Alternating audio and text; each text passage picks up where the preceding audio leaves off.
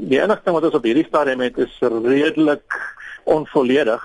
Maar soos wat ek verstaan van ons kontakte in Namibië is dat daar 'n groot vrekte van aasvoëls plaasgevind het um, in verlede week. En op hierdie stadium skat hulle die hoeveelheid voëls wat gevrek het tussen 400 en 600. Waar presies het dit gebeur? Dis in die oostelike deel van die Boabata Nasionale Park, bo in die Privi. Dis uh, redelik naby aan die Kwando rivier vir diegene wat die area goed ken waar dit plaasgevind het en uh, dis 'n area aangrensend aan die park in 'n gemeenskaplike area. Kon julle al um, vasstel hoekom hulle gevrek het? Ja, hulle het hulle het gevrek as gevolg van vergiftiging, soos wat ons verstaan. Uh dit weer eens olifantkarkas wat gestroop is en wat die stroopers toe nou vol gif gesmeer het en wat toe nou gelos is vir die aasvog om te en die en die doel agter hierdie met taktiek is maar basies om aasvoëls uit die omgewing uit te verwyder. Die rede daarvoor is dat aasvoëls stel baie vinnig karkasse in die veld op en uit die aard van die saak is hulle goeie aanduiders dan van die aktiwiteit van stroopers in 'n bepaalde gebied.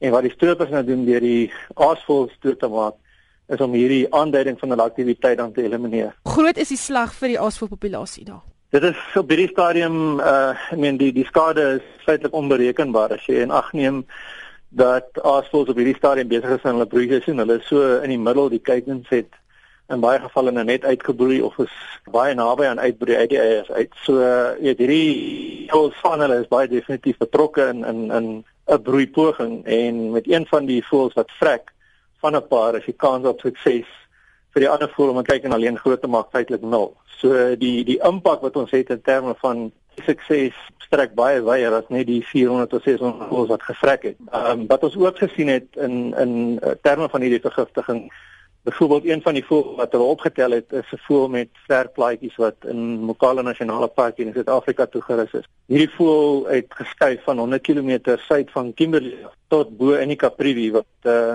seker omtrent so 1000 plus kilometer is. En as jy dan gaan gaan dink, jy dink aan die jong voëls wat in hulle eerste paar jaar rondbeweeg.